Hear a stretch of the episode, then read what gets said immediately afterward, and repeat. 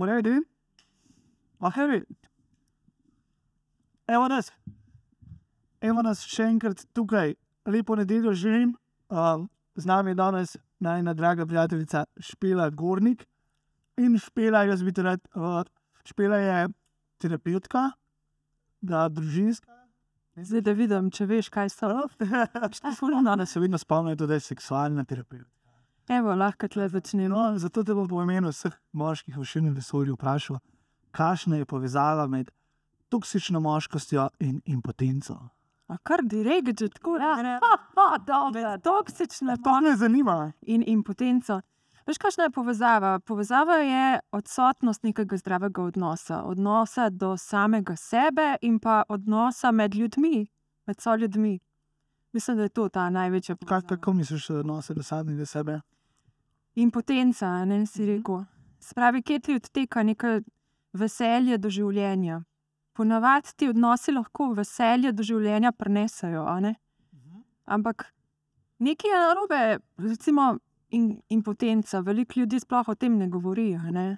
Absolutno. Ja, pa se sprašujem, ampak zdaj se lahko tudi vprašamo, kaj sploh Vse tako kot tudi mene ne zanima zaradi mene, ampak zaradi Ja, saj, a veš, lahko se tudi vprašamo, kaj dejansko si imel v mislih, ko si me vprašal kot impotenca. A si imel v mislih prav ta determinacija, kot je zahodna medicina determinira, ali bolj, kako kako ne rečem, kako je vulgarizirano.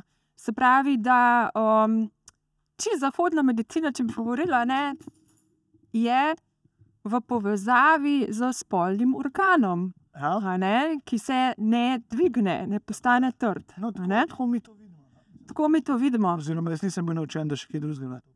Ja, ampak po drugi strani ne, je pa to en totalno zahodni koncept spolnosti.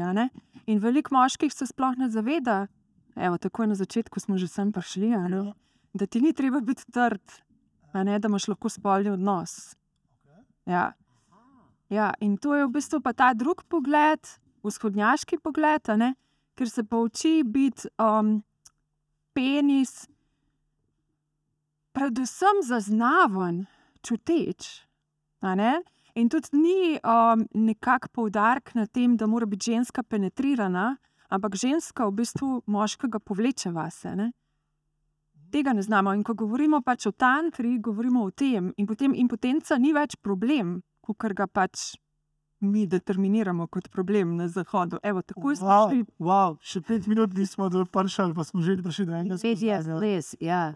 To se pravi, ta trdota, to, kar si mi, mislim, vici, eh, razna namigovanja, vse čas, eh, to v bistvu ni, ni eh, Sploh nima nobenega pomena. v bistvu nima pomen, takega pomena, kot mu ga mi dajemo, tako veliko, ali sploh nima nobenega pomena. V mojem svetu ga nima, v svetu veliko drugih ljudi pa ima.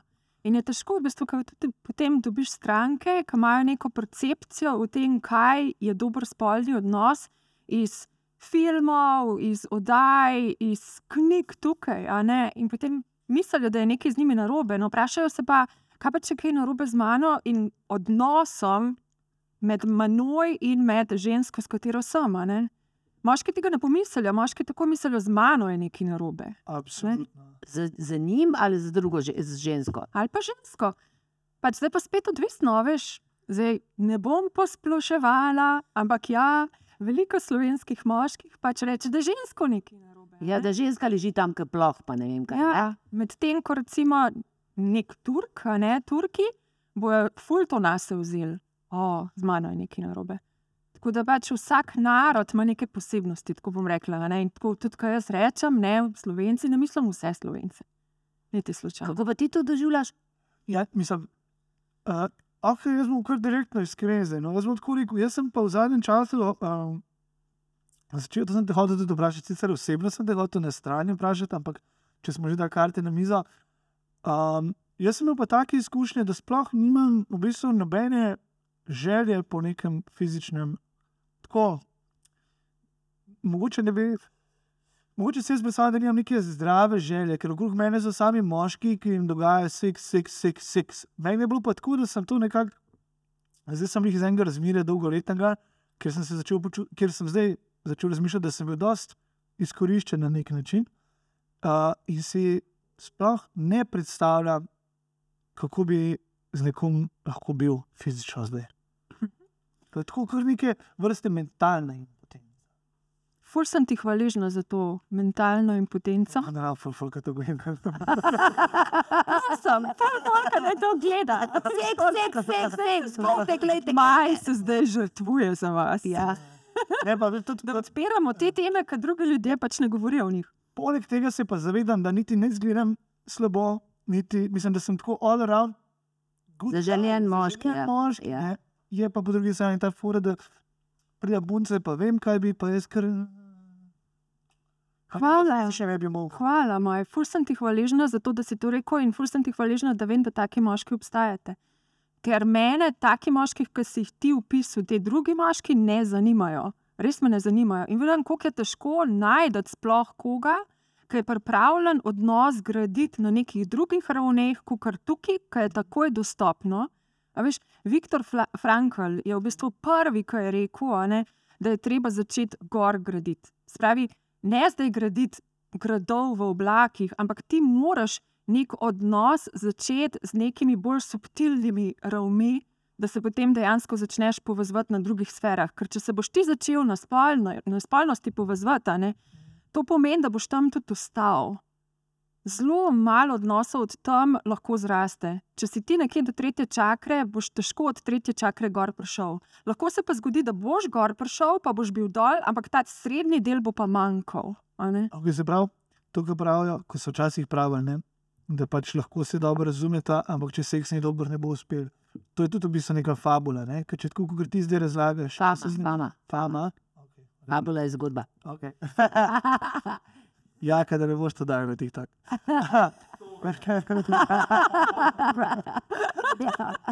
V glavnem, ne, ampak potem, kar ti govoriš, je pa pol neizbežno, da če se z nekom povežeš, da bo tudi seks pa dober. Ne, moraš delati, da bo dober. Moraš se, v bistvu, veliko je stvari s sramom povezanih in najbolj nam pade valjda sram, ko pridemo do spolnosti. In če ti z nekom gradiš odnos, valjda, da hočeš mu biti všečen in boš toliko bolj sramežljiv. Ampak če si dovoliš biti ranljiv, ti lahko res en močen odnos na tem zgradiš. In ta mit, ki si ga prej omenil, ne. Jaz sem v ta mit verjela. In jaz, recimo, tudi ko sem imela fanta, ne, mi dva sva začela kot ljubimca, mi dva sva bila super ljubimca. Noben mi pa ni povedal za ta drug mit. In sicer, da si ti dve do štiri leta v zvezi, ne, da potem seks kar naenkrat ni več tako super. Se pravi, delati je treba na vsakem primeru. Ampak več možnosti imaš, da boš več ravni pokril, če začneš od zgoraj, kot pa če začneš od spodaj. Ker ko boš začel od spodaj, kaj se zgodi? Veliko ljudi lenih rata. In pač so zadovoljni s tem in nočejo več. Ne? In pa to rabijo in to jih vleče, vleče, vleče in se ne bojo potrudili za več. Seks je vedno bil neki, da se ti ful bolj potrudiš, če nekaj hočeš, ne? če ti ni takoj dostopno. A je to zato, ker zadovoljiš potrebo, užitek, starodavno potrebo in pa ostane pač na tem in se ne znaš razvijati? A je to kaj s tem povezano? S tem plus z karmami, se pravi, vlečejo te energije prednikov, vlečejo ti, nisi samo ti, ni vse od tebe odvisen. Ti se tukaj povežeš z najbolj subtilnimi energijami in tukaj nisi res na delu samo ti. Tukaj pridejo potem še vse linije po tvoji strani in vse linije po strani partnerja. Večina ljudi ni tako občutljivih, da bi sploh do teh ravni prišli. In moraš biti občutljiv, če želiš to čutiti. ne. Ja, ja, ja, sp, sp, s- tudi to bom bolj vprašal. Ampak, uh, jaz spet, ko iz sebe izhajam, jaz zdaj, ko sem začel te stvari delati na sebi in tako, kot smo se mi spoznali, jaz se zdaj res počutim, kot da sem spet 15, 16, 14 let star, ko pride do tega. Se pravi, kot da vsake stvari, ki jo, jo na novo odkrivam in nisem siguren, proti pa malo tako.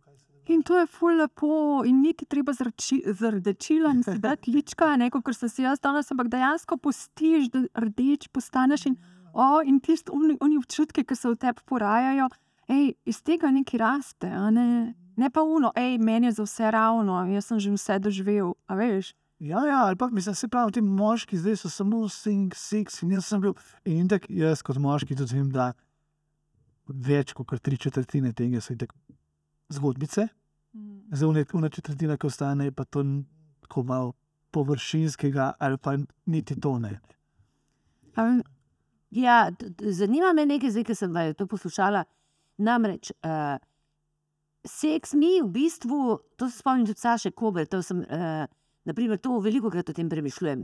Mi, kje se začne seks? V, v glavi ali se začne v telesu? Kje, namreč, ker mi, vse, kar vemo o seksu, so, so filmi, so neki pornografske slike, so neki klišeji, joški rit. In, in, in, in zdaj, zdaj, naprimer, vidim, da je tudi gre v, to, v te slike moške riti in six-packe in tako naprej. To jemljemo kot afri- afrodizijak. A Kje se začne seks? V glavi, kje? A tebe to privleče? Me- eh, Six-pack. Ja, mislim, tako kot smo zdaj rekli, ob, objektivizacija telesa. Eh, Mene nikoli ni, ne? Uh, ampak jaz se tle mislim, da sem, jaz sem vedno mislila, da sem mal, ne? Mislim, kako bi rekla, mene je vedno energija privlekla, ne? Mene je vedno uh, uh, pač človek, ne? kako govori, kako se obnaša. Tako. Ampak tudi to ni dober recept, ker nisem imela tako dobrih izkušenj, tudi ne. Mislim, hočem reči, uh, zanima me, kje, kje, kje je tisti prvi stik, oziroma kje si zagotoviš, da je, da je ta povezava, da lahko greš v to povezavo navzgor in navzdol. Se pravi, ni recepta, sto ljudi sto čudi. Ja? Eni ljudje prvo to začutijo v svojem mednožju, eni ljudje to prvo začutijo v glavi, mož, v možganjih in se potem s tem stimulirajo. Eni ljudje, medtem ko te neka energija, kot si rekla, ne. Zdaj pa, če mi to hočemo, pa, pa dejansko moramo dati čas odnosu in moramo nekoga spoznavati.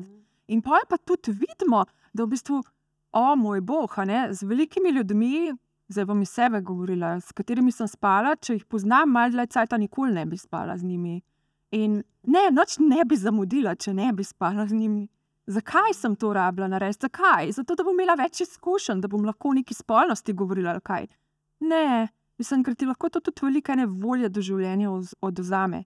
Meni so odnosi zelo pomembni. In tako kot pravim, veliko ljudi, ki nekaj zadovolji, nimajo nobene potrebe po gradni kakršnega koli odnosa. So zadovoljili tisto osnovno potrebo, in veliko ljudi ostane zadovoljni s tem, in potem ostalo nadomestijo s potrošništvom. In taki ljudje, taki na, ljudje so največji potrošniki tudi pornografske industrije.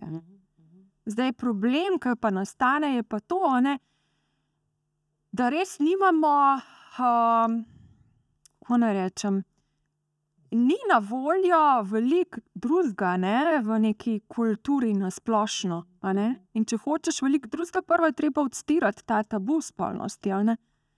Zdaj pa kako ga od, odstirati, tako da ljudem podaš, kaj je to zdravilna spolnost, a ne, to je pa. To pa se jaz trudim delati, zdaj že precej let. Če sem, kaj pa pol, kaj pa pol bi, kako bi opredelila kamasutra? Mhm. Kamasutra, lej, kamasutra ni kot samo o knjigo, mislim. spolnosti. a ne. Ja, kamasutra ni samo o spolnosti, je prav o tem, kako negovati odnos moški-žensko. Mi smo pač samo zdaj tam neke poze ven vzeli, to še zdaleč ni Zato, samo. Ja. A veš, to še zdaleč ni poanta kamasutre. a ne. Zdaj jaz, lej, po pravici povedano, ni- nisem se toliko posvečala s kamasutro, recimo, ampak recimo kitajski klasiki, katere sem sama študirala, iz njih so se razvile medicinske uh, knjige in ne obratno. Se pravi, medicinske knjige so se razvile iz umetnosti spalnice.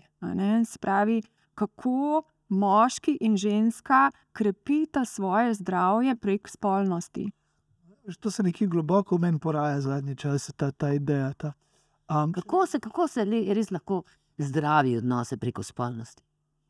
Da se prvo, ko prvo pozdravi naš odnos do spolnosti. Ja. Pač mi se nismo v to kulturo rodili. In tudi jaz, a ne, veliko stvari sem dojemala po naše, ker sem to študirala, pa sem sinologinja, pa sem se poglabljala, ampak jaz sem še vedno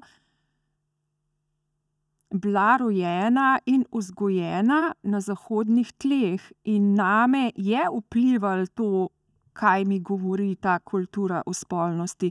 In kakorkoli sem jaz to študirala, jaz še vedno tega n- veliko let nisem živela. Jaz šele zadnjih nekaj let, da dejansko te energijske vidike dojemam. Ampak da ti lahko sploh to dojemaš, ti moraš ratati popolnoma, to, kar smo prej govorili, mehka, mehak. kje pa sem jaz mehka, če se ne počutim varno? Se pravi, a ne, če sploh slovenska kultura je taka, kaj si pa tako občutljiva. Ali pa stopiš ven, pa te deset ljudi napade iz, ne, zelo hitro in, in ti razvijaš samo to trdoto, trdoto, trdoto, da boš preživela, da, da te ne bo nekdo napadel, kako naj se branim, kako naj se branim verbalno. Jaz sem bila ful dobro v tem, da sem znala zabijati moške. Če bi se mi šest let nazaj tukaj pogovarjali, ej, jaz sem bila, ej, taka, res, uno, tako verbalno se znala sesuti moškega, sam kaj moški. Se šest let nazaj sem bil jaz drugačen, glede teh stvari. Ej, de, a, mi lahko nekaj poveste, kako pa vidite to, recimo, ne, glede na to, da jaz govorim, moji frendi govorijo samo o seksu in o punce, s katerimi so se dal dol. Kako pa je z druge strani, kako pa, to, kako pa vidva vidite ženske v teh, v teh vlogah? Kaj pa govorite, ko govorite o seksu? Ja, to me tudi zanima. Ja. Kaj govorite? Koliko detajle pa gre? Mislim, jaz osebno, zdaj se bo to mogoče slišalo, da je zmišljeno, pa tako, ampak z mano nikoli nisem imel fantje pretirano. Uh, edini moj najboljši prijatelj, on mi pove vse, ko je zdaj poročen, ima ženo in tako. Ampak, um, drugače, jaz, jaz, jaz si predstavljam, da si moški med sabo ful povejo. Ker, ker, ker jaz bi za mizo so velike debate v podrobnosti, koliko je bilo, koliko je bila mlada, koliko je bilo to, uno, tretje. Ne. Pa kaj se s tem hvali? To je hvala, to je Mislim, to je- pika trofeja ali kaj? To je kot Kaj je to? Po mojem, tudi, zdaj, ko je špila rekla, po mojem, je to tudi tako del življenja, ki je najlažje ga sprocesirati, ki se je najlažje o njemu pogovarjati. Veš, Jaz, lej, jaz pač te stvari delam, kaj delam in meni to je zadnja stvar na svetu, da bi govoril in od nekdaj je bilo tako. Ne. Ampak pač fanti, pa ja, to ni statusni simbol. Statusni simbol je to. To je to, kar jaz vidim. Pravi, avto, dober seks. Mlad, mlade punce, dober seks. Velik, niti ne dober. Velik, seksa, Ne, ne, dober. to pa reče. Niti enkrat nisem slišal, da bi bilo pa, wow. Ampak, wow, kako je bila dobra, ampak wow, kako je bila mlada. Wow, dve sem, wow, tako. Če bi bil dober, ne bi čutili te potrebe, da to govorijo z drugimi o njemu, a ne ker bi bil spet ranljiv. Raj zase Ti to, s tisto osebo, s katero to prakticiraš. Um, če pa dejansko se gre vse samo na številke, ne, je pa koda moškosti vedno bila na zahodu, koliko žensk boš podaril. Boljši moški si. Žal, ne. No, ampak, Ja, ko sem jaz malo hodil vprašati, kako pa je iz tega množstva žensk, ki jih moški podirajo, kako je pa ženske? jaz sem mu povedala, da Recimo, deva, da si, da imaš, da si 18 let stara ti, ali da imaš 18 let staro hčerko, ki je bila po dveh tednih sedem. No, jaz sem povedala, naprimer, jaz sem, Ja. eh, razumem, jaz bom povedala svojega, pa ti si pa mlajša, je bo zanimivo. Jaz sem to eh, kot deklica, se pravi v 60-ih, ne v 70-ih, 70 letih, eh, čutila, eh, v bistvu jaz sem čutila ta pritisk, da se moški v bistvu nekako si zbira, zbirate trofeje. In ja, moja prva, prva misel, žen, da, sem dekl, da sem ženska, je bila v bistvu, jaz ne bomo nikogar trofeja. In jaz se nisem dala zelo dolgo dol, samo iz tega, samo zaradi tega, ker nisem hotela biti nobenemu trofeja. Tudi če mi je bil všeč, karkoli že, lahko sem se igrala, lahko sem plesala, lahko sem provocirala, ampak imel pa me ne boš, ker sem toliko teh zgodb slišala. Tok teh pritlehnih zgodb, pa tole sem dal dol, pa uno sem dal dol, pa tako naprej. Potem mm, pa sem uh, v bistvu hotela poskusiti, kaj pa to svobodni seks. Se pravi, da greš en večer z nekom in odidaš. Ne? In me je zelo hitro minil po drugem takem poskusu, sem videla, da tudi to ni nekaj tacga. Ne? In uh, v bistvu sem s tistimi moškimi, s katerimi sem uh, začutila močno privlačnost, nisem komplicirala, kdaj bom šla spat, nič. Ampak sem šla z njimi v odnos, cela, seksualno, mentalno, in pol je to tudi več ali manj kar nekaj let zdržalo, enkrat je zdržalo celo 30 let. Ampak uh, hočem reči, uh, in danes, ko jaz poslušam starejše ženske, ki se pogovarjajo o moških, kako so lačne seksa, kako uh, naprimer, bi padale dol na tele six-peke in tako naprej, se tudi jaz ne počutim del njih. Mene, jaz na ta način seksa ne dojemam in ga nikoli nisem. In to ne pomeni, da se, da se zdaj ta trenutek kaj delam, ali pa da sem, dobro, jaz sem med tem že imela pogovore o seksu in tako naprej, zdaj približno vem, kaj je tudi tra, tantra in tako naprej. Ampak jaz v ta, v ta srednji melos teh potreb, ki bi z neke potrebe, ker mi nekaj manjka v življenju, rabila za to enega moškega in nekega, ki me bo dal dobro dol ali pa po miru, jaz tega ne potrebujem na tak način. Kako si pa ti to doživljala, ker si kljub vsemu skoraj 30 let mlajša ne, od mene?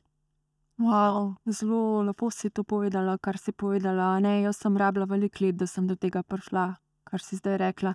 Drugače pa tudi sama nisem imela takega pogleda, ne tega res potrebnega, tako bom rekla. Ampak pri meni je bila pa situacija takšna, no, da mene so pa moški dojemali kot eno sveto žensko in se niso znali z mano sploh pogovarjati, niso se znali z mano povezati, da jaz sem tja gor nekam na nevo. Jaz sem pa full hrepenena po tem, da bi, da bi se z nekom spolno združila in ko mislim čakala, da se bo to zgodilo in enostavno. Uf, um, se mi je mudil se mi je mudil, in tudi potem, vedno, ko je bila prilika, sem jo izkoristila. Um, ne, nisem gledala, kako bodo oni na to gledali. Mislim, da tudi niso o meni tako govorili, vsaj nisem zasledila, da bi se kdorkoli tako o meni govorili. Ampak je pa to tudi izhajalo iz tega, da sem imela rane, navezovalne uh, travme in navezovalne rane. Mene je bilo zelo težko se z moškim za res povezati in ga spustiti v svoje življenje. In meni je bilo dobro, da se jaz združim z njim in potem pet stran, sam čim dlje. Sam čim dlje.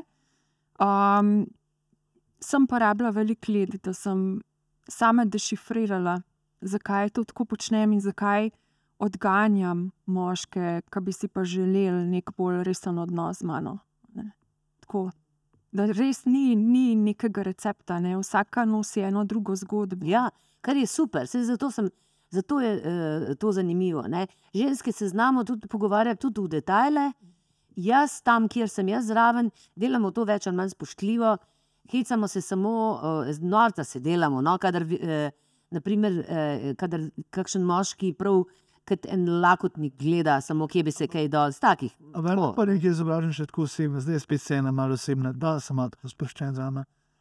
Jaz imam pa, jaz imam pa občutek, pa, zato sem tudi to temo mogoče začel, ampak jaz imam pa občutek tako, ne, jaz sem, se pravi, samski končno po dolgem času, tudi v glavi, ne dolgo časa sem bil zaklenjen v glavi za eno, za eno žensko, ampak zdaj, ko grem recimo ven, jaz vidim, da se ženske z mano pogovarjajo pol ure, urca, ampak veliko raje grejo pa po enim modelom, ki je pa prišel, pa grejo se sam podred domov.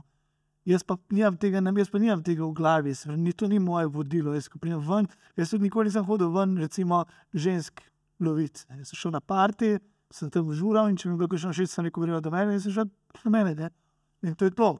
S tem, da moram priznati, da sem tudi zelo pozno izgubil nedožnost. Ne? Tako ni, To v družini zgleda. Ja, ampak ne, me zanima, zakaj, zakaj se vam zdi tako, ker jaz, jaz se počutim, mogoče mogo biti malo bolj napadalen, da bi.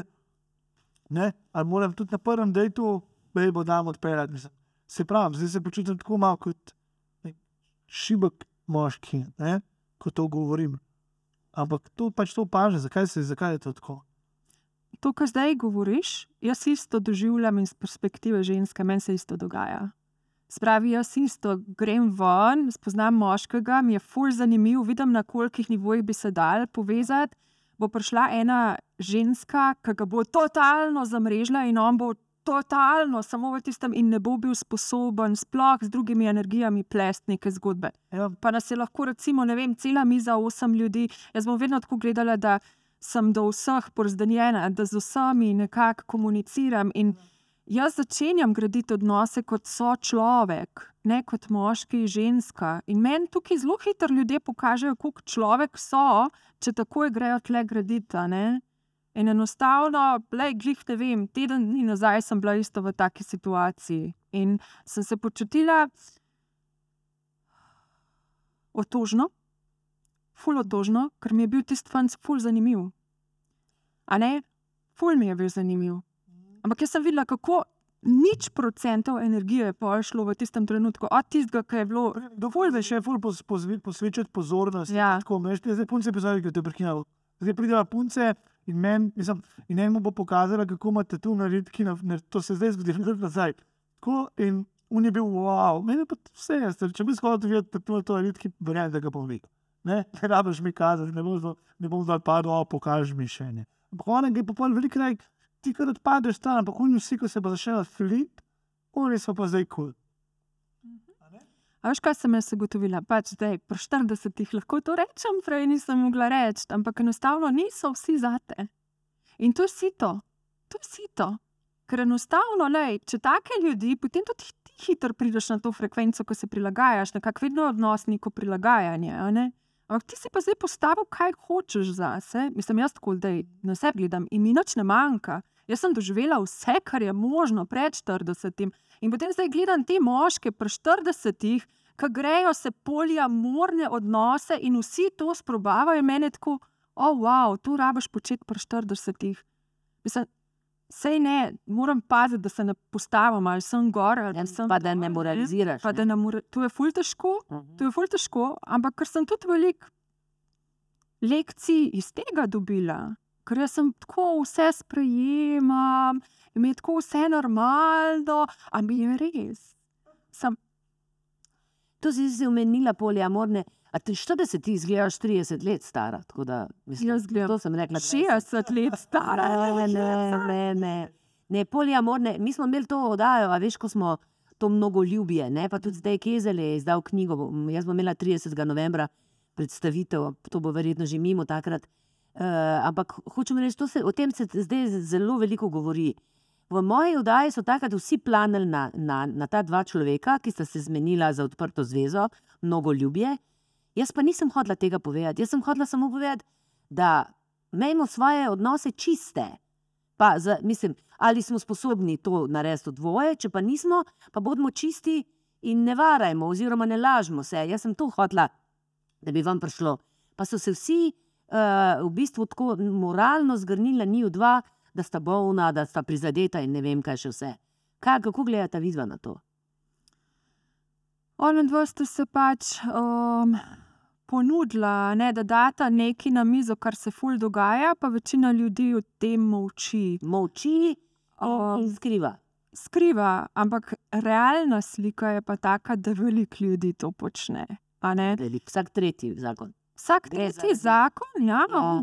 Jaz tudi vidim, a veš, ko se vedno dodatno izobražujem. a ne, In seveda, če se ti izobražuješ na spolni terapiji, ne dodatno, in vedno nas dajo, recimo, zdaj imamo pač iz celega sveta, smo in nas dajo v te zoom sobe, in potem moramo deliti. In tako jaz vedno pridem z ljudmi, ki so poliamorni, noter v tisto sobo. To se pravi, teh ljudi, a ok, sedaj jaz sem spolni, ne vem, hočem spolnost upeljati v svojo psihoterapijo, in zdaj to pomeni, da jaz moram poliamornost izkusiti. In potem vidim, recimo, vem, tudi njihove ženske, ki so zraven, pa ki grejo v to samo zaradi tega, ker gre moški, niti ne zaradi tega, ker bi, ampak da dokažejo, kako so odprte. Se pravi, jaz sem gledala to oddajo, ki si jo imela in to sta mlad par. Jaz ne rečem, da je karkoli narobe, ona- ona dva sam pokažeta, kaj se dogaja in pač sprobavata, ampak ona dva sta mlada. Ti pričakuješ, da bodo ljudje imeli neke določene izkušnje, izkušnje pri določenih letih, in tudi ona dva, mogoče, ko boste pa prišla pri 40, boste pa kaj drugače videla, Ja. kot zdaj, ne? Mogoče. Ali pa A tega, Meni pa- meni se- meni je pa to tako. Um,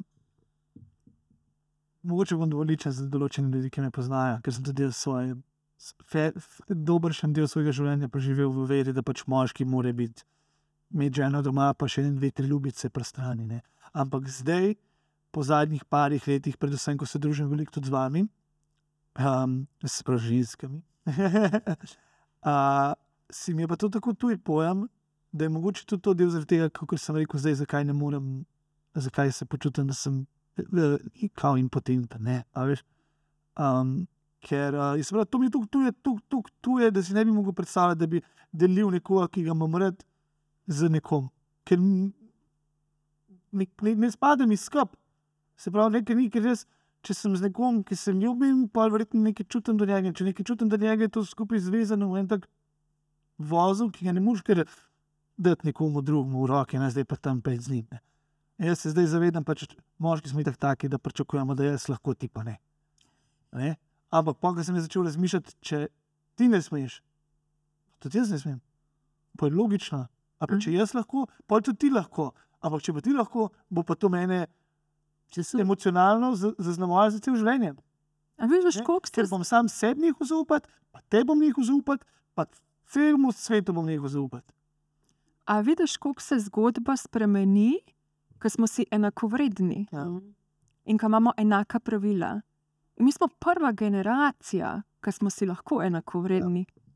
Do zdaj naši starši si niso mogli biti enakovredni. A Ful je bilo težje ženski. In zdaj smo pri temi, o kateri smo rekli, da se bomo pogovarjali. Enako vrednost med moškimi in ženskami. Uh, to je pa tema, ki se jaz želim zelo pogovarjati. In so špelo ugotovili, da je tudi nekako bilo namenjeno, da se pogovarjamo o tem. In to je toksična ženska energija. toksična ženska, e, gremo, to me pa res Ja. zanima. Kaj je toksična? Mislim, Jaz bom, jaz bom to samo primer. Jaz bom to samo primer, Mhm. ki sem razmišljal dosta o tem. In sicer uh, jaz gledam veliko filme, berem kritike, pa gremo na te klasične filme, kjer so super junaki. Ne? Včasih je bil super junak, je bil on alfa omega, imel je, imel je svojega prijatelja, ki je z njim delal, in pa je imel neko žensko, ne? ki je bila pa lušna tajnica. zabavo, ja. Ja, zdaj se- Poslo. Ja, no, ampak to je bilo, to je bilo nekako naravno, ni bilo, ni bilo zato, da bi žensko pomanjševali. No, ja, tako, so, tako, so bili, tako, tako je bila vzgoja že, par ti, Ja, že nekaj to- tisoč let. To je bila vzgoja, ki je žensko poniževala. Jaz kot igralka. Ampak ne namerno, poslušaj. Sam, sam, da povem, vem. sam da povem. Se pravi, ne namerno. Ne? Zdaj, ko se pa stvari obračajo, lahko pa pogledate, da večina teh, zdaj so super junakinje, zdaj imaš Batwoman, zdaj imaš Supergirl, zdaj imaš, um, kaj je že, ne vem, lahko rečemo tudi, ok, tako bom rekel, Tolkien. Ne? Jaz sem diehard fan Tolkiena. Ne? Jaz imam vse knjige, J.R.R. Tolkien je napisal Hobita, Silmarillion, Gospodarja prstanov. In zdaj sem naredil Gospodarja prstanov, Silmarillion. Uh, so, naredili, na- so pa naredili tako, da je zdaj glavna junakinja Galadriel, ki nikoli prej noben, nikjer ni bila bojevnica, zdaj pa bojevnica. Vsak problem, ki ga dajo na pot, reši tako. Moški, ko pride, pa reče: mogoče č, č, č, pak, in ona reši stvar. Se pravi, moški v tem smislu zdaj samo zajebati. Se pravi, karkoli naredimo, smo, smo mač, mačisti, uh, tako neumne ideje, sam z mečem bi radi rešili, in tako naprej. Se pravi, stvar se obrača v to smer, da jaz opažam, da ženske same sebi škodo delate, ker zdaj pa to namerno napad na moške. Se pravi, zdaj pa to namer, s- da ne govorim, da ne govorim o tem, da zdaj ženska, ki je 1,60 m, pa 50 km, razmetava moške, ki imajo 90 km. To, to se meni zdi zdaj toksična ženska energija, ki jaz nočem, da bi moja hči se počutila, da je pa učila od tega. No. Ja, Jaz, jaz te ful slišim, jaz te ful slišim in tudi to opažam. In se zavedam, da nekoč je bila pri žensko- ženska grandioznost ponotranjena. Niso jo smele na, na vzven izražati, medtem ko je bila moškost na ven. ne? In zdaj, namesto da bi se mi vsi zavedali, da grandioznost, ne glede na to, ali si ti ženska ali moški, ni v redu, gremo samo na to, da smo zamenjali te vloge. In to se tukaj kaže. In tudi jaz sem to začela opažati. Recimo, ko sem bila na določenih delavnicah v Londonu, ena ženska nas je um, učila o tem, kako. To, kar si rekel, pač razmetati, biti ta glavna, biti powerful, biti ne. Moški vse sam zajebati Ja. znajo. Ja, in dejansko, ko so nas vprašali na tej delavnici, povejte neke pridevnike ne vem, za moške in za ženske. ne. In za moške so bili vsi slabšalni, za ženske so bili vsi poveličevalni. a ne. In Jaz, jaz se s tem ful nisem strinjala in ful se nisem najdla tam, a ne, ker vem, da ni vse tako. To je tako, kot če bi tehtence hotel izravnati s tem, da na, na mestu daš isto na obe strani, hočeš da tklepa tono Ja, in pol. to je v bistvu. Ja, ampak špela, a se ti ne zdi to en tak logičen odgovor? Veš, koliko tisoč let smo morali ženske? Fuk tisoč let. Bili smo bila za zimo, so bila na, na, na celskem gradu, celski grofi niso bili celski grofi, so bili njihove hčerke. Ne? Ja. Barbara Celska je bila, je bila vodja svetorimskega cesarstva, ona je bila, ona je ustvarila red uh, uh, z uh, vitezov zmajev. Ja, in kako je si končala? Kako je končala? No. Ja, v ječi, ne? Vse so jo v bistvu vedno kaznovali, ker je preveč bila vsaka ženska, ki je v zgodovini česa? bila moč, preveč močna, preveč svobodomiselna, je končala na Germaniji ali pa ker- na zidovi. Se pravi, ko je on umrl, njen mož je šla ona v ječo. Se pravi, Ne, ne, ne, celo zgodbo moramo gledati. No, ampak ja, ampak ko je mož umrl, pazite, ko je mož umrl, je ona šla v ječo. Ne, ker je svetovski cesar umrl, njen mož je šla ona v ječo. Kar daje še večjo podporo temu, da on je njo podpiral. Se pravi, je bil moški, ki je stal za njo. A ni tako? Ja, ampak uh, vedno je moral nekdo stati za žensko, zgledalo je, da je ženska, se letko. Ja, Ne, in zdaj- in zdaj med nama, zdaj se dogaja- smo od zadaj, samo kar ste vi počeli in kar ste, mi smo itak tam od zadaj. Ne? Okej. Samo te, te, te pozornosti in te moči nam niste nikoli pustili, brez nekaznovano, da bi se, da bi se, da bi se eh, zrasla in tu pa tam nekje ratal in jih lahko na prste ene roke ali pa dveh rok eh, drpemo. a Jaz ne zdaj- napredujem z vprašanjem, pa bom pa tako rekel. Lahko jaz še nadaljujem. Ja, Ja, Jaz sem tako kao gost. ja, ti si gorje. Beseda mi je bila oduzeta, moj glas mi je bil oduzet. Ne moram jaz svetati tukaj, ne moram biti v svoji moči. Tako, da Ja, kaj dejo na stop, dajte mu glasen zvočnik, mikrofon. To se meni že takrat zgodilo tukaj v Sloveniji, by the way, ne, tako da sem zelo občutljiva ja, strani moških in seveda ženska, ne, ki te moške poveličujejo. Tako da ja, to, kar si rekla, a se ti ne zdi logičen odgovor? Meni se zdi to logičen odgovor, ja, ampak kdaj je logika še mir prinesla? Pa ne zdaj unasilen mir.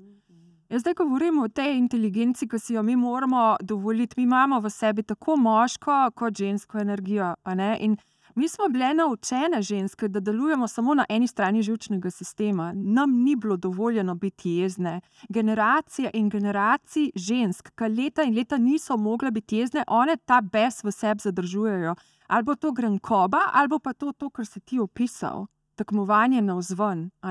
Če pa si mi dejansko dovolimo sproti čez življenje biti v obeh teh energijah, ne, pridemo pa nekam čim, čist drugam, pridemo pa v pravo moč. In ta moč je sočlovečna, in ta moč ni, kdo bo zmagal, moški, ženske, mi sodelujemo.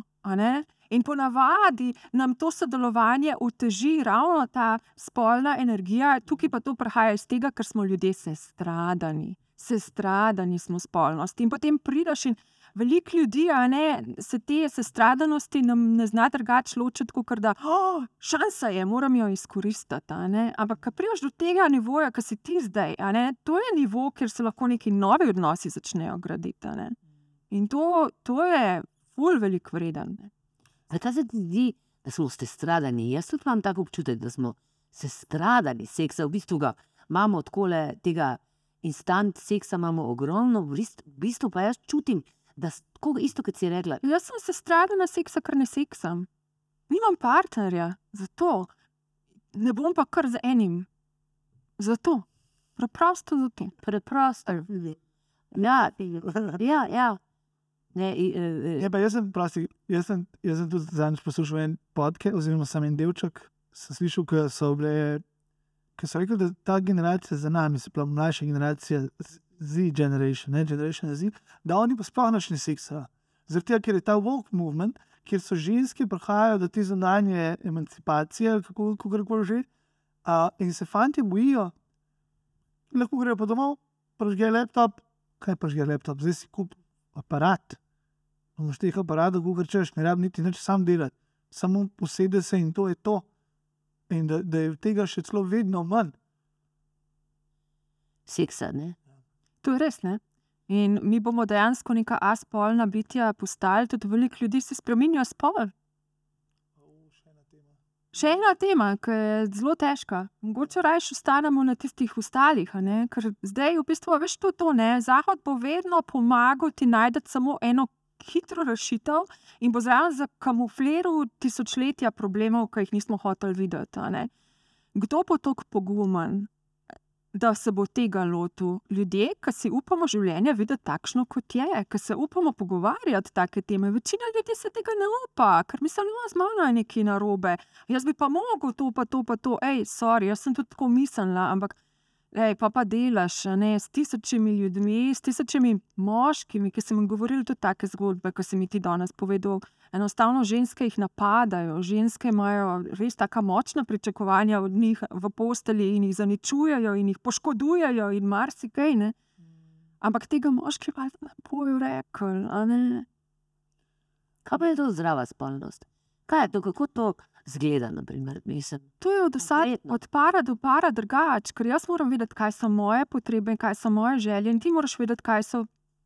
Recimo zdaj, a ne, jaz sem pač heteroseksualna, če si ti moški, moraš ti vedeti za svoje potrebe in svoje želje, in potem mora biti midva sposobna, midva sposobna to skomunicirati. ne. Večina ljudi pa samo sebe vidi, samo sebe sliši, ali pa samo drugega vidi, samo drugega sliši.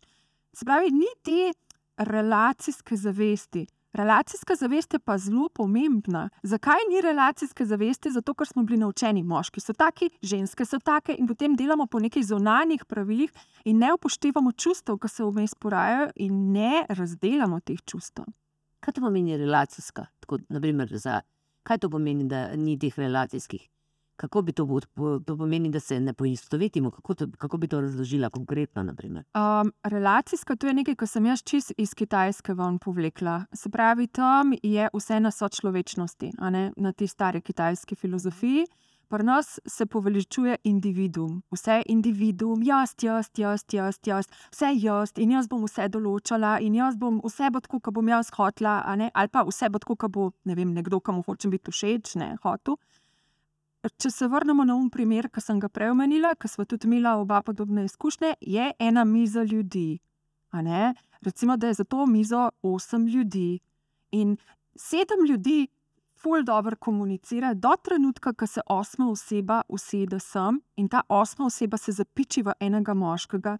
In naenkrat bo samo teh šest ljudi oropanih tiste energije njega, pa nje pa itak niso nikoli dobili energije.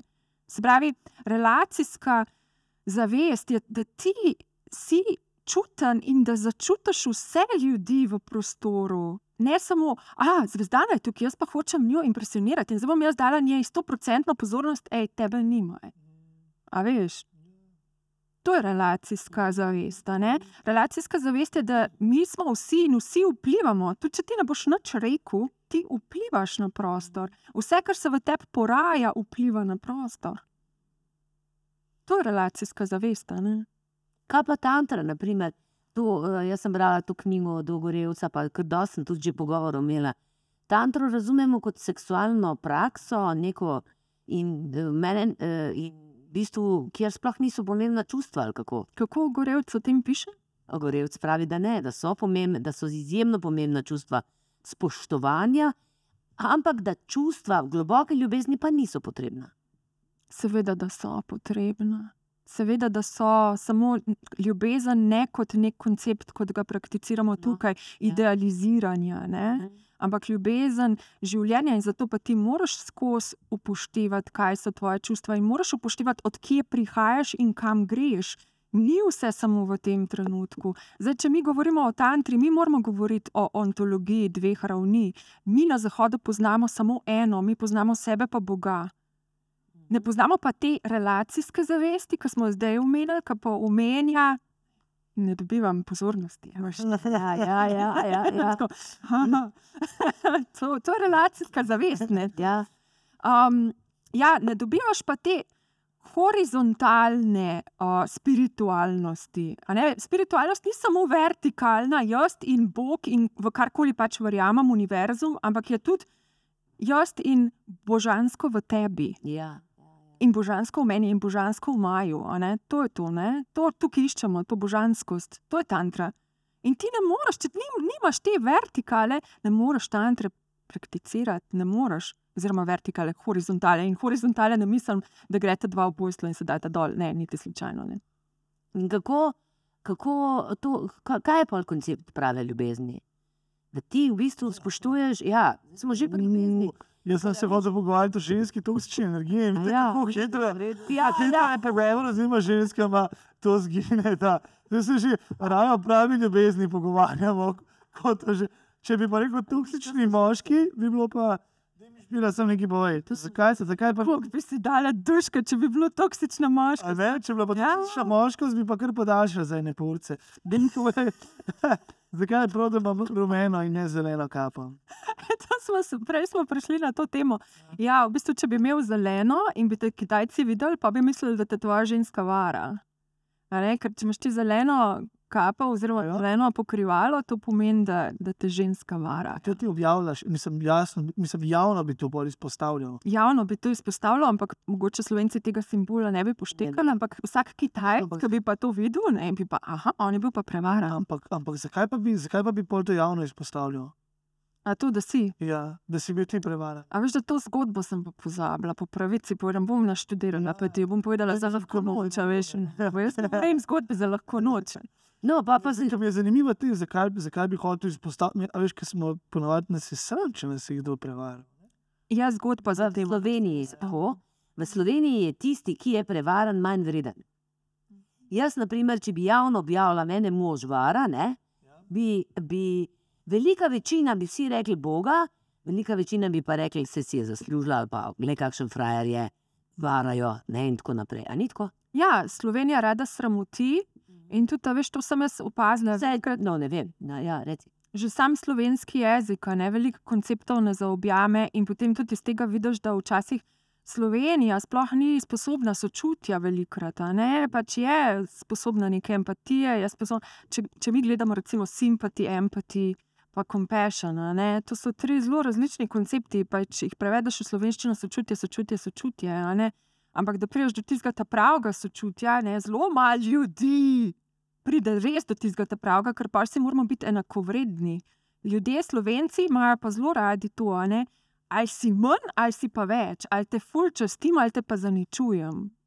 In to je ta suženska mentaliteta, ki jo mi želimo zdaj prerasti. ne. In suženska mentaliteta ne bomo prerastali tako, da gremo, oh, mi smo zdaj najboljši in to, to, to, ne. ampak da pač ratamo. Je, čeprav po drugi strani pa ne vem, če veš, ko so kakšne naravne katastrofe ali pa kakšni.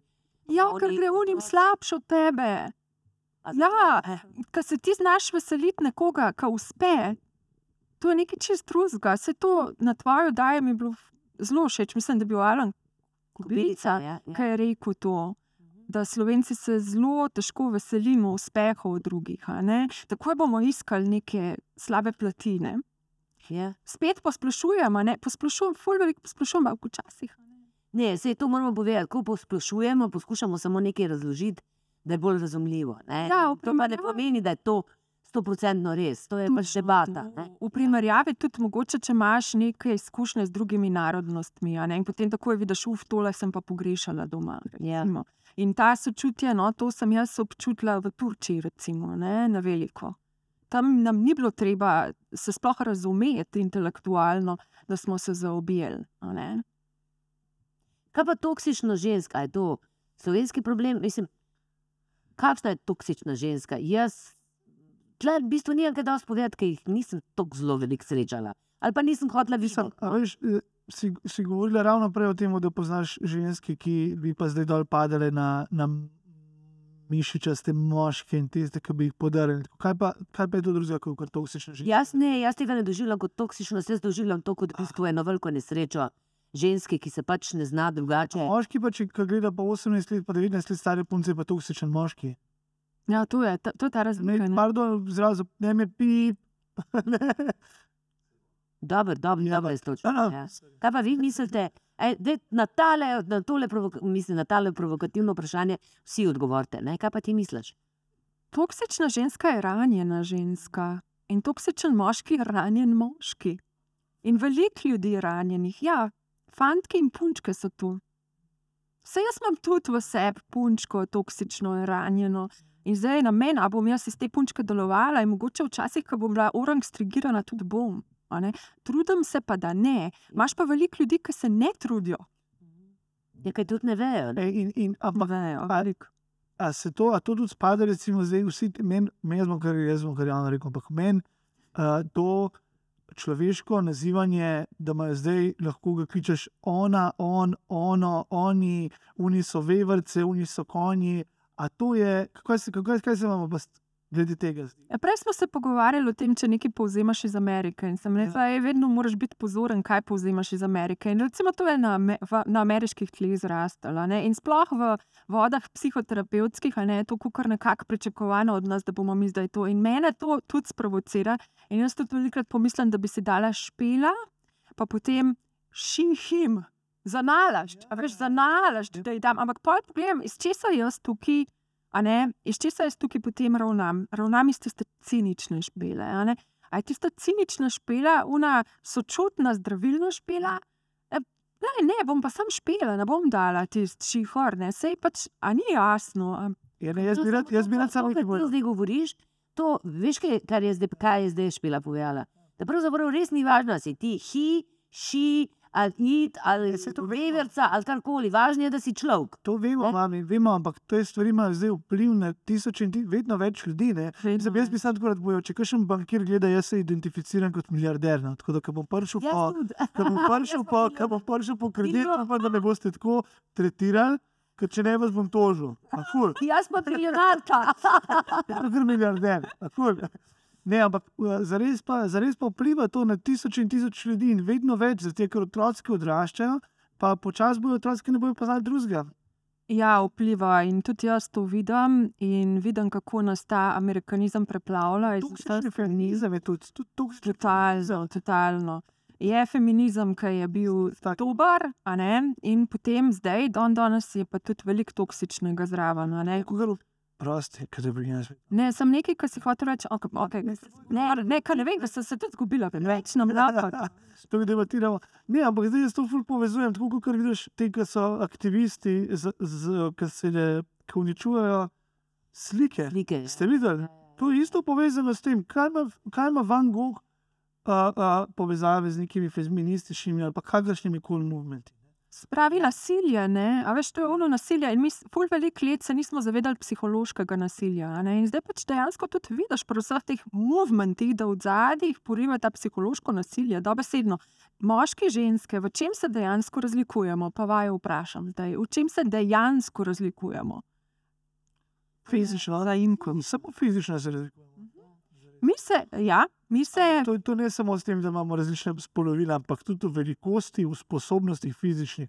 ja, a ti povem dejansko, v čem se ne razlikujemo v hormonskem sistemu.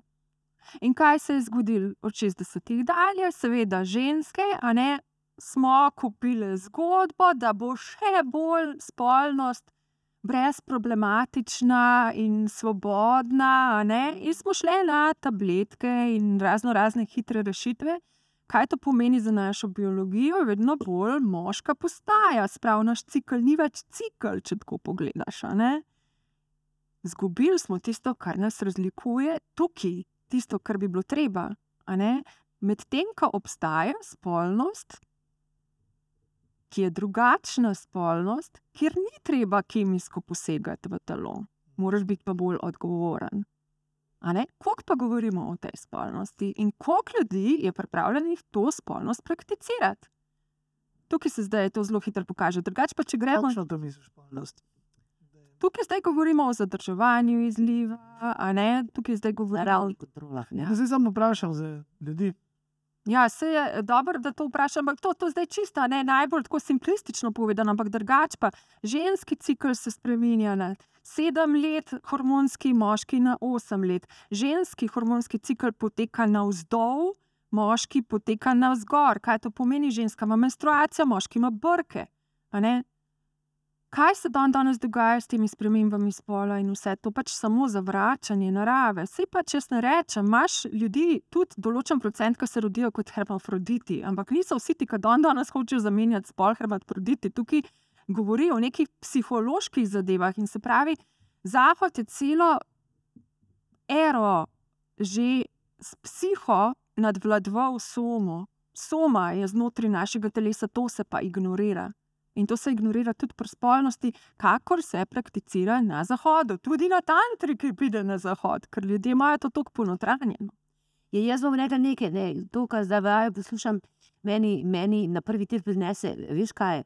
To totalna dekadenca in izgubljenost v bistvu v vseh naših odnosih, ker Na Van Gogha se prelepijo tele, tele za mezo rečesa, ker jih drugač več ne. Tudi če se bojo zažgali na cesti, jih več ne bojo, eh, ne bo nihče več pisal o njih. Se pravi, morajo uničiti nekaj, kar je svetovno znano in dragoceno, da se bo slišalo o njih.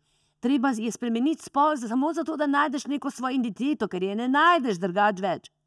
To, to, kar si zdaj rekla. Ne? Spravi, one hoče biti opažene, in ljudje so tako otopeli, ne, Mhm. da potem samo z nekim nasiljem dobijo to. Le, če, če gremo na tematiko, recimo, vem, spolnih zlorab, ne, koliko nas je dal to čez, pa nismo dajali to v neke afere, koliko jih je pa danes, ki samo neko afero ven sprožijo, a ne, Pa privlečejo Ja, pozornost. še te še če pozornost pa ne zdravijo. To je še druga tema. To je še druga tema. Jaz sem prav zadnjič enemu fantu, ki so ga štiri sošolke obtožili, da jih je zlorabil, in je šel, so ga iz šole izpisali, in po pol leta, ko je bil iz šole izpisan, so punce prišle in povedali, da so v bistvu sami je šel sam na živce. In so se štiri punce zmenili in so rekli, da jih je zlorabil, in je on zaradi tega bil izobčen. Zdaj si pa predstavljaj, da je to fant, ki si bo vzel v srce in bože ne, da bo ne, ne samo psihološko zaznamovan, ampak bo se tudi fizično poškodoval, pa oba. Ne. Ja, mislim, strahotni časi so danes, v bistvu, ker na eni strani imaš res zlorabe, o katerih je treba govoriti. Ne? Ampak v njih se ne bo slišal, zaradi tega, ker so ljudje utopili, ne bodo poslušali teh zlorab. Oni bojo hoteli afero slišati in zato to afero sprožijo ti ljudje. Tudi jaz, ki sem govorila o moji zlorabi pred leti, jaz sem začela pisati o tem, moja knjiga se začne s tem. a ne. Ampak ni bilo bralcev, enostavno ni jih bilo. Če bi jaz dala ime pa priimek zraven, tako je bi jih bilo ful. Ampak jaz sem to spucala sama pri sebi. In nisem, da se tega človeka obglav zdaj ali karkoli. Ne, niti ne. Jaz sem pač njemu povedala, kar se je dal povedati. Kaj več, kot sama pri sebi mu oprostiti in ne želeti imeti nobenega stika več z njim, ne morem. Ne želim. To je, kaj pa, kaj pa, naprimer, kaj pa rečeš tu, naprimer, da, da, da si zlorabljena in to tiščiš vse čas uh, v sebi, in v bistvu ta človek, ki je tebe zlorabil, bo verjetno še koga drugega. Ogromno že. Ja, kaj ne res, pravzaprav. Le, jaz sem odprla kroge za take ženske in se ne javljajo. Jaz jih ne morem prisiliti, da pridejo. Jaz sem odprla te kroge. Ni bilo niti ene imel- Vem pa, da je veliko takih zgodb. Si imel zdaj afero s tem nedušenim smodejem, ne? ki jih je, po, ki jih je za druge, jaz ga poznam. Aha. In uh, sem slišal tudi od ljudi, kaj se je zgodilo, ampak prijavili so ga, pa prijavljali so, ali kako, kako že so bile pa mogoče dve, tri, ne več, ali celo ena. To se noben ne upa, to je še zmeraj taka stigma, da nažalost. Ja, to je. Kar se pa meni osebno, jaz ne vem, no, če kdo to gleda. Jaz sem jaz in mnogo nas je takih moških, ki take stvari izjemno obsojamo. In na koncu a veš, je meni zanimivo, ker tudi ženske, veste, ko pride uh, morilc v zapor, pride morilc v zapor, pride ropar v zapor, pride ropar v zapor, pride pa posiljevalec v zapor, je pa pardon izrazil, ga najebo.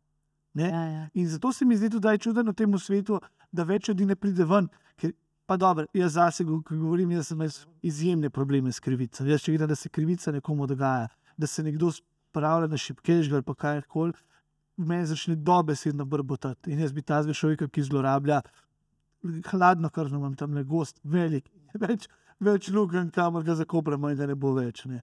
Ampak uh, še zmeri, zakaj mislite, da več, zakaj več žensk ne Zakaj ne govorimo o tem? Jaz sem vedno govorila, tako da težko to govorim. Poznam pa veliko žensk, ki sem prek tega, kar sem jaz govorila, so se potem tudi one meni odprle in so mi povedali. In potem smo tudi ugotovili, da nas je isti moški zlorabo. Recimo. A ne?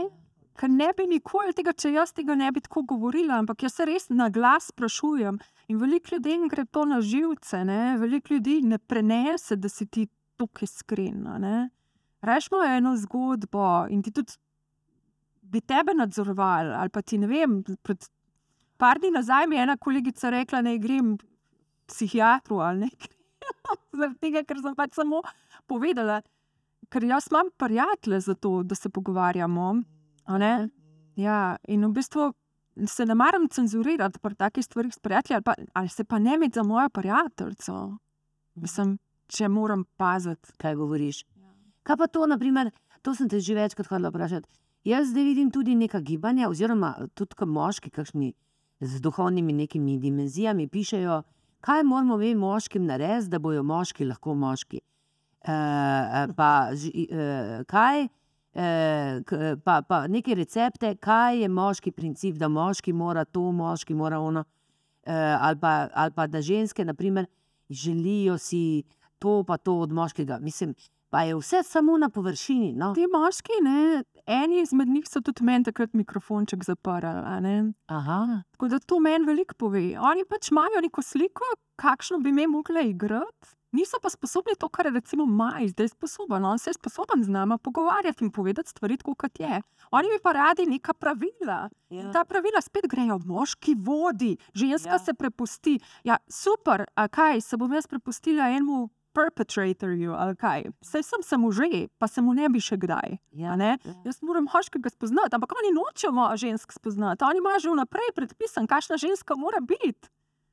No, samo ima tudi povem, da pri moških je veliko strah in samo podoba, slaba samo podoba, pripelje do tega. Tako kot si rekla, veš, če je nekdo recimo zlorabljen in potem si raj zgodbico v glavi sestavi, kot da bi povedal. Samo Tu so moški ista.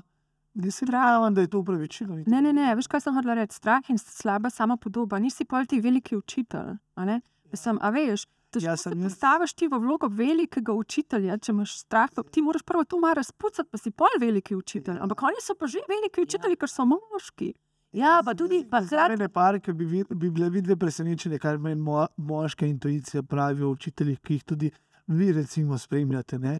Um, kaj moja moška intuicija govori o teh, o teh moških, kar je meni tako, se mi zdi kristalno jasno. Pa, pa recimo, ženske del to teže vidimo, to moško manipulacijo, smo bolj slepe za njo. Kukr kira, le, jaz sem zadnje cajt, nisem tako slepa, ampak recimo tudi jaz, če tebe kdaj opazujem, se vprašam. ne. Ja, um, dala sem določene stvari čez in ne more me glih vsak preslepiti. No. Ko bom rekla, hočem reči, veš, tista zn- znana. Ženske bomo tako, on bo rekel, kako si lepa, ti bo že mislila, ja, rad me ima, ne? Tudi, Oni znajo, vse oni znajo, oni znajo te čare uporabljati. Ne veš pa ti, kaj za tvojim hrbtom govorijo. Ampak čare pa znajo uporabljati, da dobijo nek, da nekaj dosežejo. ja, da, da te dobijo, da daš noge na raz. ampak kako pa prijemo do tega, kako pa prijemo do tega uh, zaupanja en od drugega, da recimo vemo, da ni vse samo na površini. Čas si moramo dati, spoznavati se moramo. Koliko ljudi si dejansko da čas? Pa, veš, jaz veliko vidim tega, v eno sekundo se poznamo in smo najboljši prijatelji, a smo res. Čas si moramo dati. Pa potem vidiš, koliko ti šele nekoga zares sprejemaš, takšen, kakršen je. Kako pa zgleda, kakšna tvoja delavnica? Zdaj si imela na zadnje, kakšno, katero delavnico ne znaš? Trenutno imam orgasmičnost, Orga- še Kako poteka. to zgleda? Kaj to? Joj, super je, super je. Dejansko ženske popeljem v telo in jim razložim različne poti do orgasmičnosti. Se pravi, orgasmičnosti, ki je zdravilna, ne samo tista orgasmičnost, ki se propagira tukaj na zahodu, ne, ki je fokusirana na ščegetavček in podobno, ampak gremo prav v žilčni sistem in gremo po različnih poteh žilčnega sistema in gremo prek prakse, prek vaj v to, da izkušamo um, skupaj. To drugače pa marsikaj pogovarjamo. Kar sem mogoče prek izkušenj prišla sama, um, ne. Um, ker veliko ljudi, ne nekaj za resnico vzame, pa nimajo izkušenj, sploh tukaj, ne, na takem področju. Tako da um, to je ena taka imenitna um, delavnica, in je bilo spet zelo težko ženske dobiti, že zaradi imena orgasmičnost. ne. Um, drugače, tako zelo dobra podlaga za to delavnico je pa delavnica Vstop v um, žensko esenco, v moč ženske esence, tukaj pa dejansko raziskujemo svoje rane v nulo. Tako da, kar si prej rekel, ne tista um, nepravičnost, recimo, ne wound of injustice. Spravi, ta rana je na delu večine nas tukaj. In tudi jaz, tudi pri meni je bila zelo močna. Um, in ta rana na nek način ohranja ta dramski trikotnik žrtev, perpetrator in tako rešuje. Ne? In jaz sem bila tudi rešiteljica veliko let. In rešitelj omogoča, ker sodeluje v tem trikotniku. In mi v bistvu gremo čez vse te rane, ki so, čez vse te maske, ki so in to zaveščamo na sebi, na ljudeh okoli nas. In potem iščemo rešitve, kako pa priti v ta čisti jaz, ki je moj izvor, in kako ga povežemo z izvirom, a ne, se pravi spolno energijo, in kako smo dejansko v polni moči. a ne. E, jaz, imaš še vprašanje? Ja, samo to bi iz tega ven. A, kaj pa pari ali pa za moške imaš delavnice in kakšen je odziv v Sloveniji? Um, bi imela, ampak ni odziva. Ni odziva. Ni odziva. Ja. Drugače pa v Londonu sem delala samo z moškimi. Tako da v Londonu so bili moje stranke, večinoma moški, žensk ni bilo, tukaj se je malo zaobrnili, več žensk, moških enostavno ni. Sem pa tja, kakšen mačkan ga zanima terapija, ampak tudi zelo po svoje, se to razlaga. Vse moje terapije so holistične in v- vsebujejo delo za spolno energijo, spolnostjo. Se pravi, mi se veliko pogovarjamo o tem, kako doživljamo spolnost. ne. O tem tudi ta duhovni jaz noter upoštevamo. Se pravi, tisti ljudje, ki so pripravljeni za ta duhovni jaz, jaz ne morem ljudi prisiliti, da ratajo duhovni. a ne. Se pravi, ampak samo pri tej človečnosti, če začnemo in samo pri tej relacijski zavesti, če začnemo, kako jaz in moški vzpostavljava nek odnos, ki je hranilen in za moškega, in za me. Jaz to moške učim, kako to oni lahko počnejo s svojo žensko. ne. Tako da, zdaj pa kje smo, ne, kot človeštvo, kot človeštvo, večina ljudi še vedno bi radi ne, tradicionalne vloge, se pravi, nekdo je od zgoraj, nekdo je od spodaj, in zdaj se samo to, kot si rekel, zamenja, ne, ampak to ni zdravilno. Ne. Ja, če ženske zamenjamo, ne. E, danes smo šli, danes smo šli k temu, bi lahko rekli po angliško, down the rabbit hole. To mi je všeč, to se mi zdi, da, je, Ja, to se mi zdi, da, smo, pa, da, smo, da smo začeli jemati ta uh, podcast vibe, kjer greš po lu- luknjo, zračo temno in greš po realici nekje ven. Uh, ampak za danes bomo, po moje, končali. Uh, spet še en pogovor, ki se mi zdi, da ga bomo enkrat še nadaljevali, če se strinjaš. Ja, jaz Absolutno. prav rada. Ker sem bil, jaz sem videl tudi moje misli, so bile na sedmih straneh Ja. naenkrat, tako da vem, da sem bil tudi jaz mogoče malo nerazločen. Uh, in bi rad še enkrat začel, mogoče vsako od teh tem posebej. Mi smo začeli tako kot toksična ženska. Ja, ja. In smo šli Pa- za pa 36 strani še zraven. Ne? Ja, Kaj vidiš, smo rekli, hadi, hadi, to je, to je, hadi, hadi. to je, to je v bistvu, ne, a ne špela, se verjetno ti se s tem dosti srečuješ. Da je v bistvu uh, treba vedno celostno vsako stvar vzeti, ker vidiš, kako se nam iz ene teme je ne moremo odgovoriti preprosto, ker je to celostno vprašanje že celega življenja. Kako? Ja, pač ne moreš ti gledati na življenje kompartmentalizirano, ne moreš po predalčki gledati. Življenje je življenje, preteka se čez vse. In kako mi delujemo, zelo vpliva na marsikaj. Kakšne odnose mi dopuščamo, zelo vpliva. In ljudje se tega ne zavedajo. Ljudje dan danes znajo samo reči, jaz sem v toksičnem odnosu, niso pa pripravljeni tega spremenjati. Oni bi jamrali, jamrali, jamrali. Če hočete spremeniti odnose, jaz sem pravi naslov. Res. A misliš, da jih sami tega ne moremo narediti?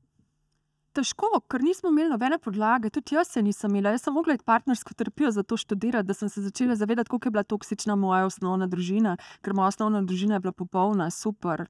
Vse lepo in jaz sem to dejansko tako doživljala. Pa, ko sem šla gledati, kako mi komuniciramo, pa to sem pa videla, wow, pa to je vse toksično. Jaz sem sam začela jokati, jaz sem bila prvo sam zaprepadena, uno tako, ne vem, dva tedna, čisto na fuk, iz kje jaz izviram, iz kje jaz izviram, da sem pa začela to zaveščati. Ne, ni vse samo lepo in ne, ni vse samo grdo. Ampak konec koncev, to sta moja starša, ona dva sta mene prinesla na ta svet, mi smo povezani, mi smo povezani zavedno. In ni to, meni neki ne sede in grem na Kitajsko. To sem včasih počela, zdaj pa lahko še toliko hudo, jaz bom probala z njim to predelati. Ni važno, koliko sem stara, ker ona dva sta moja družina, vedno bosta moja družina. Kako lepo. Tako lepo, za, za na koncu. Ja, in tako, in tako v bistvu tudi lahko ustvarjamo tako prijateljske družine. Ne? A veš, eh, se družimo in je to v bistvu razširjena naša družina. V bistvu je to na koncu koncev ena rešitev, da se pogovarjamo. Da. Mislim, da smo vsi, da ta družina je tako tak poseben pojem, zato ker mi se, meni se zdi, da smo vsi en drugemu bolj učitelji. Kot, družina. Ja, akt je družina, a ne? Ja, in akt vas uči. Aha, podcast akt. Ja, Vlade, hvala, Špila, da si prišla. Hvala za povabilo, Hvala, hvala. z veseljem, vedno Hvala, da si nam utrpela. Hvala, da ste vidva mene, trpela. jaz nisem več trpela. Jaz sem nisem več trpela. Ampak mogla sem si izboriti besedo. Kar je super. Mislim, a veš, to eh, meni je tudi všeč, da nič ne skrivamo, da smo res tako odkriti. A veš, pre, pre, eh, v normalnem pogovoru, se pravi javnem pogovoru, bi bila ti tih, pa bi mi kimala, pa zraven si pa mislila, a bo že nehal govoriti, se sem jaz vendar tle na vrsti. a ne? Tudi Ti si v pa to. osebnih pogovorih veliko ljudi to prakticira. a Ne? Jaz ne, jaz to kar povem. Se to, je, to, je, to je osvežujoče. Hvala. Hvala, ja, če nas gledate, uh, naročite se na naš kanal, uh, pogledajte naš TikTok. Uh, še enkrat hvala uh, naši offset ekipi, Jakatu in Emi. Um, in se vidimo naslednjič. Se vidimo, čau. Čau, čau,